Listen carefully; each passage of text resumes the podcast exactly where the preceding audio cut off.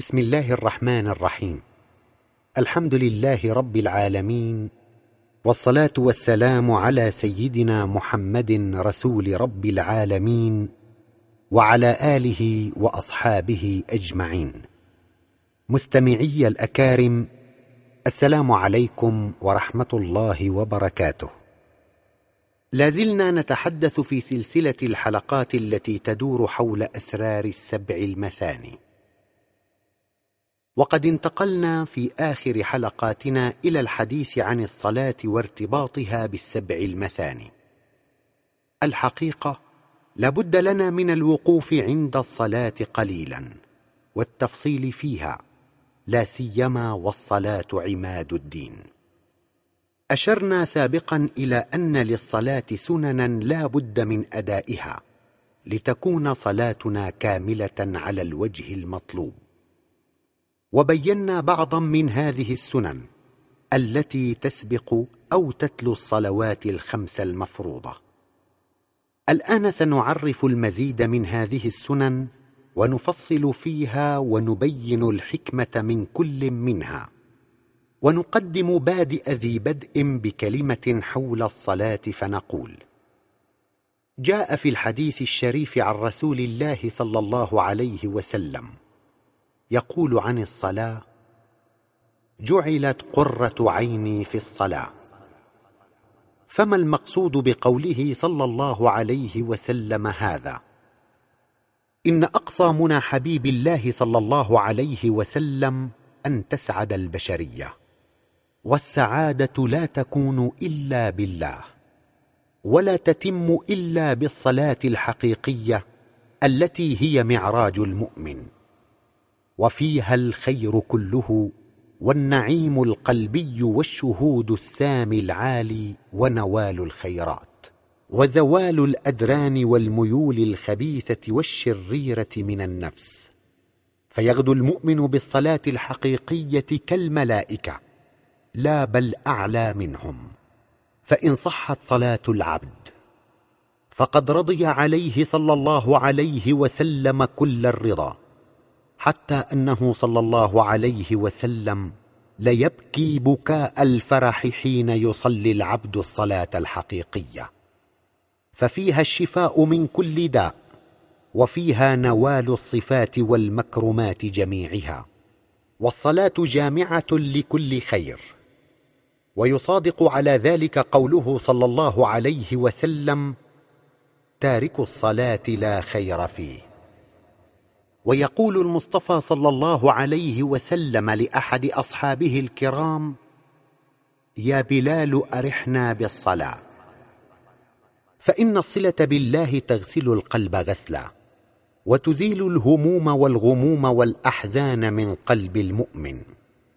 قال رسول الله صلى الله عليه وسلم أرأيتم لو أن نهرا بباب أحدكم يغتسل فيه كل يوم خمس مرات ما تقولون؟ ذلك يبقي من درنه شيء؟ قالوا لا يبقي من درنه شيء. قال فذلك مثل الصلوات الخمس يمحو الله بها الخطايا. ولا راحة لمؤمن إلا بلقاء ربه وخير لقاء بالله الصلاة. وقال صلى الله عليه وسلم إن الملائكة تصلي على أحدكم ما دام في مصلاه. فمتى ارتاح القلب انعكست الراحة أيضا على الجسم وعاد إليه نشاطه.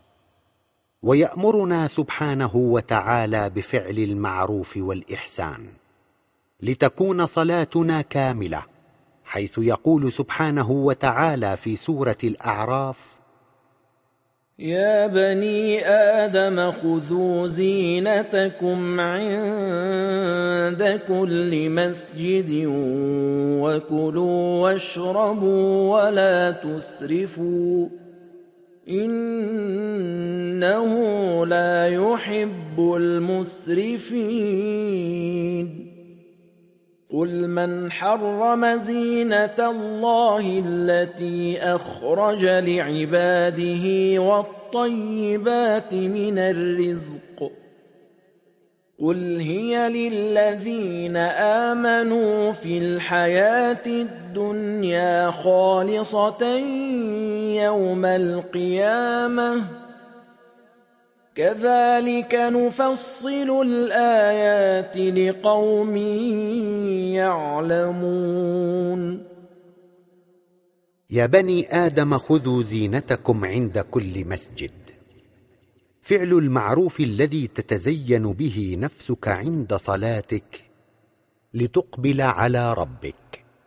فكلما أردت الإقبال على الله اعمل معروفا لتستطيع به الإقبال. وكلوا واشربوا ولا تسرفوا. لكي لا تمرضوا لا تكثر. نحن قوم لا نأكل حتى نجوع وإذا أكلنا لا نشبع. فلا يحصل ثقل وعندها تنشط للعمل. إنه لا يحب المسرفين. لما فيه من أذى لكم. قل من حرم زينة الله. فعل المعروف.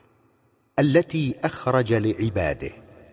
فعل المعروف من حرمه والطيبات من الرزق. ما يعود عليك بالسعادة من الإنفاق بأوجه الخير. قل هي للذين آمنوا في الحياة الدنيا. المؤمن يفعل المعروف غايته رضاء الله. خالصة يوم القيامة. نتائجها وأجرتها لهم. والجزاء عليها غدا يوم القيامة. وقبل الشروع في تفصيل الصلوات المسنونة نحب أن نشير إلى سجود السهو لمن يسهو بصلاته. لقد ورد في الحديث الشريف صلى بنا النبي صلى الله عليه وسلم إحدى صلاتي العشي فصلى بنا ركعتين ثم سلم. وفي القوم رجل في يديه طول يقال له ذو اليدين. فقال يا رسول الله أنسيت أم قصرت الصلاة؟ قال صلى الله عليه وسلم لم أنس ولم تقصر الصلاة. فذلك تعليم لمن يسهو بصلاته عن سجود السهو بنهاية الصلاة. أن يسجد المصلي سجدتين ثم يسلم على اليمين واليسار. وفي حديث آخر قوله صلى الله عليه وسلم أما إني لا أنسى ولكني أنسى لأشرع. وعندما سأله أصحابه الكرام أسهوت أم قصرت؟ قال صلى الله عليه وسلم لم اسهو ولم أقصر. وذلك إثر سجوده صلى الله عليه وسلم سجود السهو أي كل ذلك لم يكن. بل الله تعالى أمره أن يعلم الصحابة هذا التشريع للعالمين من بعده. إذ من هم دون الأنبياء معرضون للسهو بالصلاة. إن خير ما نبتدئ به حديثنا عن الصلوات المسنونة هو الحديث عن صلاة قيام الليل. فنقول في قيام الليل تكون النفس في صفاء بعد النوم. فركعتان تكفيها لتوجيه النفس إلى الله تعالى ونوال الخيرات. أمر رسول الله صلى الله عليه وسلم في قوله تعالى من سورة الإسراء ومن الليل فتهجد به نافلة لك عسى أن يبعثك ربك مقاما محمودا. ومن الليل فتهجد به نافلة لك.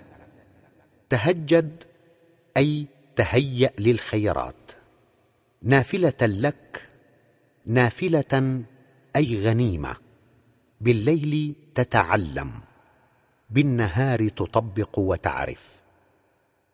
عسى أن يبعثك ربك مقاما محمودا. شفيعا للعالمين. تدل الناس على الحق ويسعدك بهم.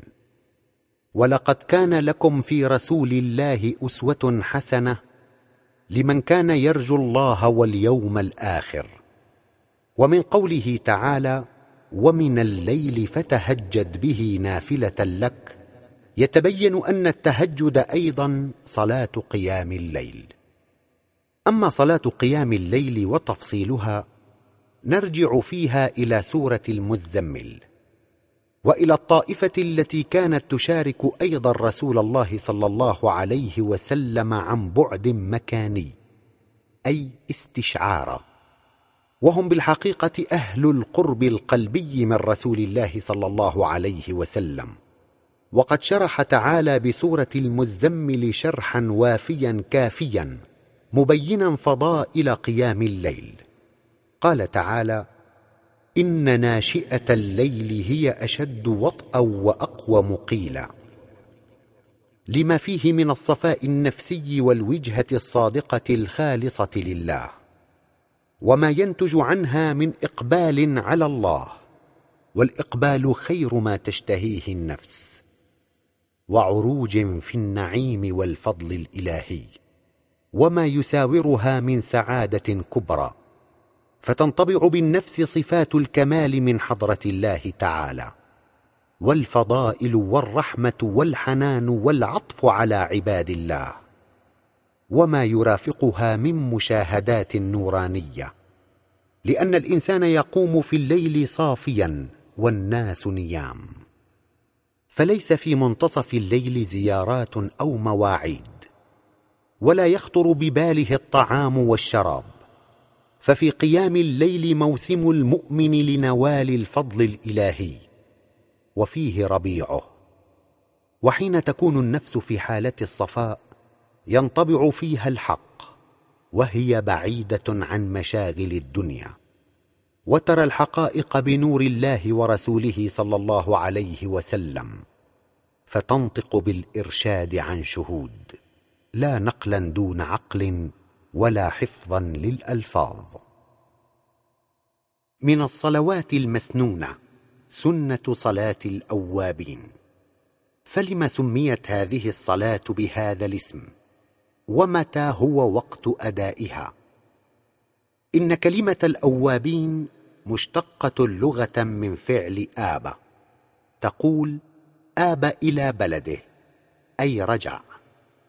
والأوابين هي صيغة مبالغة لاسم الفاعل وهي تعني الذين يردون الخلق إلى الله. وصلاة الأوابين هي ست ركعات بعد صلاة المغرب وسنتها. وهذه صلاة الصحابة الكرام الذين فتحوا قلوب العباد والبلاد للإسلام والسلام ومن تابعهم من العظماء بالتمام.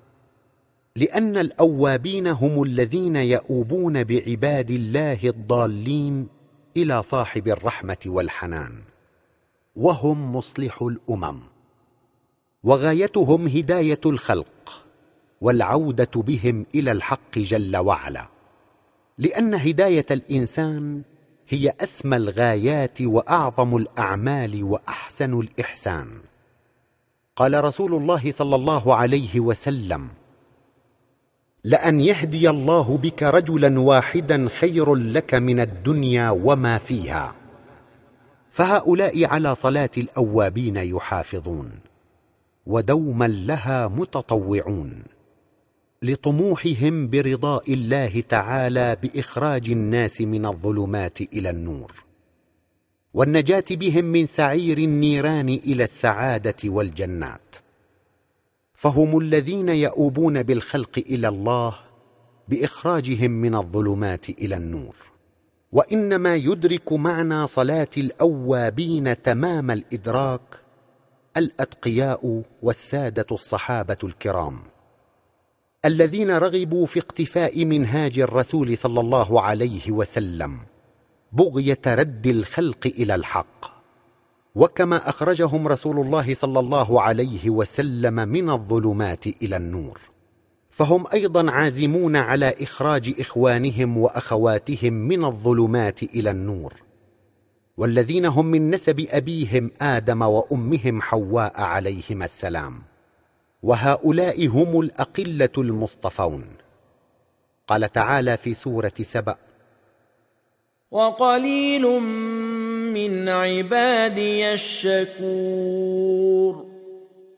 هؤلاء هم الشاكرون ولهم البشرى دون سائر البشر. إذ اتخذوا مسلك رسول الله صلى الله عليه وسلم لهم مسلكا. وهذا الصنف العالي من البشرية هو الصنف الإنساني الذي استأنس بإيمانه بربه وبرسوله صلى الله عليه وسلم. وأحب هذا الأنس لإخوانه من بني آدم عليه السلام فهم حقا لا خوف عليهم في هذه الدنيا لأن الله مولى لهم ولا هم يحزنون على فراقها لأنهم ربحوها ربحا عظيما وفيرا واستبدلوها بجنات وفراديس عند مليك مقتدر. هذا المعنى والمغزى الذي فهمه الصحب الكرام ومن تابعهم بإحسان إلى يوم الدين فكانوا هم الأطباء الحقيقيون لقلوب البشر. ومتى شفي القلب شفي الجسم. ألا إن في الجسد مضغة إذا صلحت صلح الجسد كله ألا وهي القلب. وقد ذكر هذا الثناء من الله تعالى على رسوله الكريم سيدنا سليمان في سورة صاد.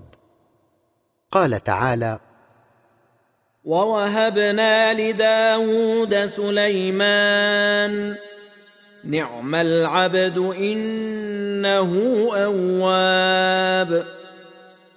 وكلمة أواب تبين لنا كيف كان عليه السلام يرد الناس من الضلالة إلى الهدى والسعادة والحبور. واسمه سليمان فحروبه عليه السلام رحمة وبالمسالمة وبالرغبة لهدايتهم لا لإراقة دمائهم.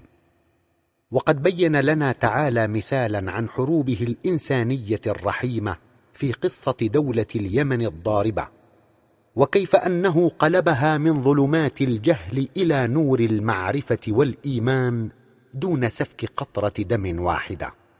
وما كان ملكه العظيم الذي لم يبار بقوته الجبارة إلا محولا للرحمة المطلقة.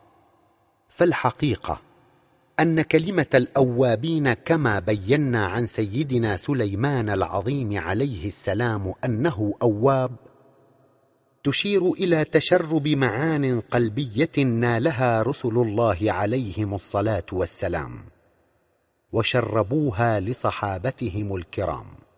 وهذا يتفق أن رسول الله صلى الله عليه وسلم هو رسول المحبة المهداة. قال تعالى في سورة الأنبياء وما ارسلناك الا رحمه للعالمين. وهو الذي علمنا صلاه الاوابين. علمنا اياها لا مجرد حركات ولكن لنعقل ونتشرب الرحمه في قلوبنا. فنرحم بها إخواننا في الإنسانية بغض النظر عن نوع الدين أو العنصر أو الطائفة ولا فضل لعربي على أعجمي ولا لأبيض على أسود إلا بالتقوى. من الصلوات المسنونة أيضا صلاة الضحى وتصلى ركعتين والحكمة المنطوية في سن هذه الصلاة هي أن الفترة طويلة بين صلاة الفجر وأذان الظهر. ففيها وصل بالله خشية الانقطاع لطول الفترة بين الفجر والظهر. يقوم المؤمن أو المسلم بصلاتها لتبقى صلة نفسه بربه متينة. قال تعالى في سورة المعارج الذين هم على صلاتهم دائمون. وبذلك تكون هاتان الركعتان محطة استزادة وتذكر في أوج انشغال النفس في نهارها بالأعمال الدنيوية لكي لا يغفل عن ذكر الله بين صلاة الفجر وصلاة الظهر. ومن الصلوات المسنونة أيضا صلاة الاستخارة. فما هي هذه الصلاة؟ وما تعرفها؟ وكيف نؤديها؟ إن صلاة الاستخارة ركعتان. ويفضل أن يكون المصلي في صفاء نفسي كما في قيام الليل أو بعد الاستيقاظ لتكون صلاته صحيحة ونفسه أنقى لتطبع فيها الحقيقة من رب الحقائق. قال تعالى في الحديث القدسي الشريف يا عبادي كلكم ضال إلا من هديته فاستهدوني أهدكم.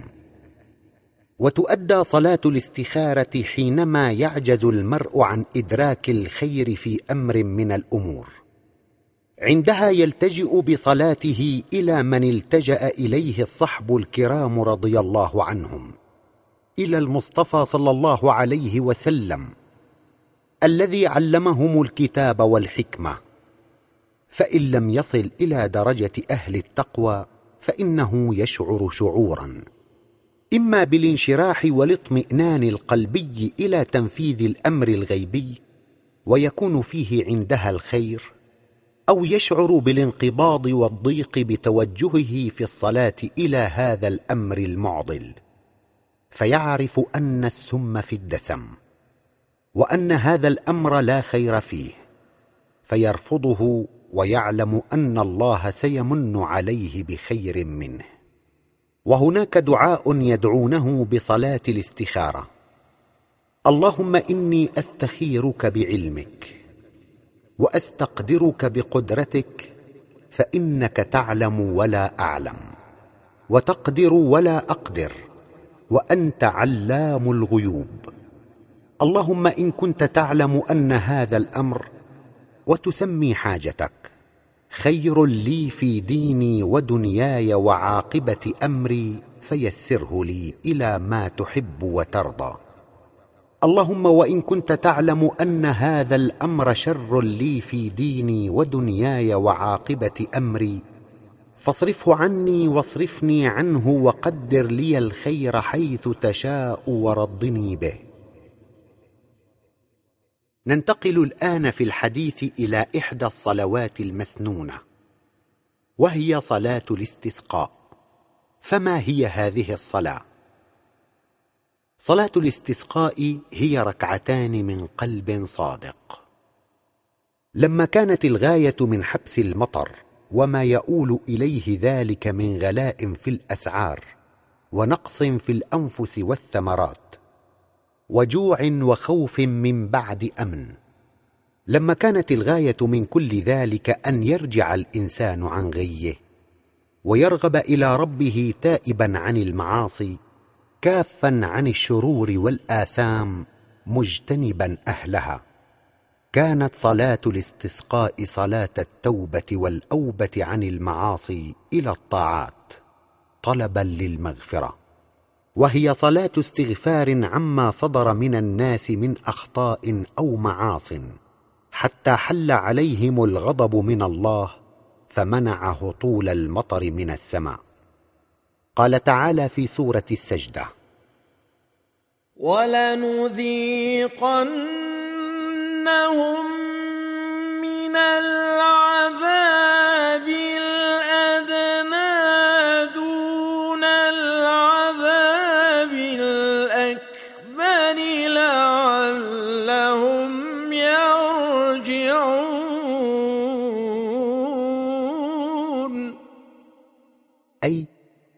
يرجعون إلى جادة الصواب.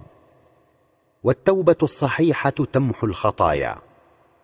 ويصلي الناس هذه الصلاة الاستغفارية التي يتوسط فيها صلى الله عليه وسلم بين قلوب المتقين منهم وبين الله.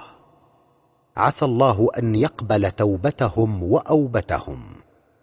قال تعالى في سورة الأعراف ولو ان أهل القرى امنوا واتقوا لفتحنا عليهم بركات من السماء والارض فمتى عاد العبد عن المعصية والخطأ؟ عاد الله عليه بالعطاء والإكرام الجسمي والقلبي. يتم في صلاة الاستسقاء الشفاء والعطاء للمؤمنين. ولغير المؤمنين أيضا إن تابوا. ففضل الله أكبر والله أكبر. قال تعالى في سورة نوح فقلت استغفروا ربكم إنه كان غفارا. يرسل السماء عليكم مدرارا ويمددكم بأموال وبنين ويجعل لكم جنات ويجعل لكم أنهارا. ونتوقف في حديثنا عن الصلوات المسنونه عند صلاة الجنازة أو الصلاة على الميت. فما هي الصلاة على الميت؟ الصلاة على الميت هي بالحقيقة صلاة دعائية. تنفع الميت حين ينتفع المصلون. إذ كان بابا لخيرهم ووجهتهم إلى الله. ففي التأثر بالموت يزول مؤقتا حب الدنيا ويمكن التوجه إلى الله. وبذلك تتم الفائدة للمصلين. وتعود الفائدة عندها للمتوفى. فتتم الراحة والرحمة حقا عليه. أما كيفية الصلاة على الميت فهي أربع تكبيرات. بعد التكبيرة الأولى نقرأ سورة الفاتحة وبعد التكبيرة الثانية نقرأ الصلوات الإبراهيمية وبعد التكبيرة الثالثة ندعو للميت وبعد التكبيرة الرابعة ندعو الدعاء المأثور فنقول اللهم لا تحرمنا أجره ولا تفتنا بعده واغفر لنا وله. ونختم الصلاة بالتسليم. لا بد لنا في آخر هذه الحلقة من أن نشير إلى نقطة هامة متعلقة بالصلاة. وهي الجهر والإسرار بالصلاة. رب سائل يسأل فيقول ما الحكمة من الجهر بالصلاة ليلا؟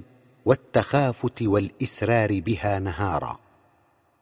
وفي الجواب على ذلك نقول لقد ورد الأمر بالجهر بالصلاة ليلا والتخافت بها نهارا في القرآن الكريم بسورة الإسراء حيث يقول سبحانه وتعالى قل ادعوا الله أو ادعوا الرحمن ايما تدعوا فله الأسماء الحسنى. ولا تجهر بصلاتك ولا تخافت بها وابتغ بين ذلك سبيلا. ولا تجهر بصلاتك. أي في النهار. ولا تخافت بها. في الليل. وابتغ بين ذلك سبيلا. أي سبيلا موصلا إلى الله. إذ أن من قوانين النفس البشرية أنها ليلا تأنس بصوتها وتسترسل وراء قولها. وذلك يظهر جليا إن أصاب الإنسان شيء من الخوف ليلا. فتراه يطرب نفسه بسماع صوته ولو لم يكن مطربا أو جميلا أو أن يحدث نفسه بصوت مرتفع قوي ليشغلها عما حولها. أما في النهار وقد سطعت الشمس وظهرت الدنيا بزينتها وانشغل المرء بما حوله من تجارة أو زراعة أو صناعة وباجتماعه بالناس لذا ترى طبيعة النفس البشرية في هذه الحالة تميل إلى الهدوء وترغب فيه وتأوي لذاتها هروبا مما يشغلها.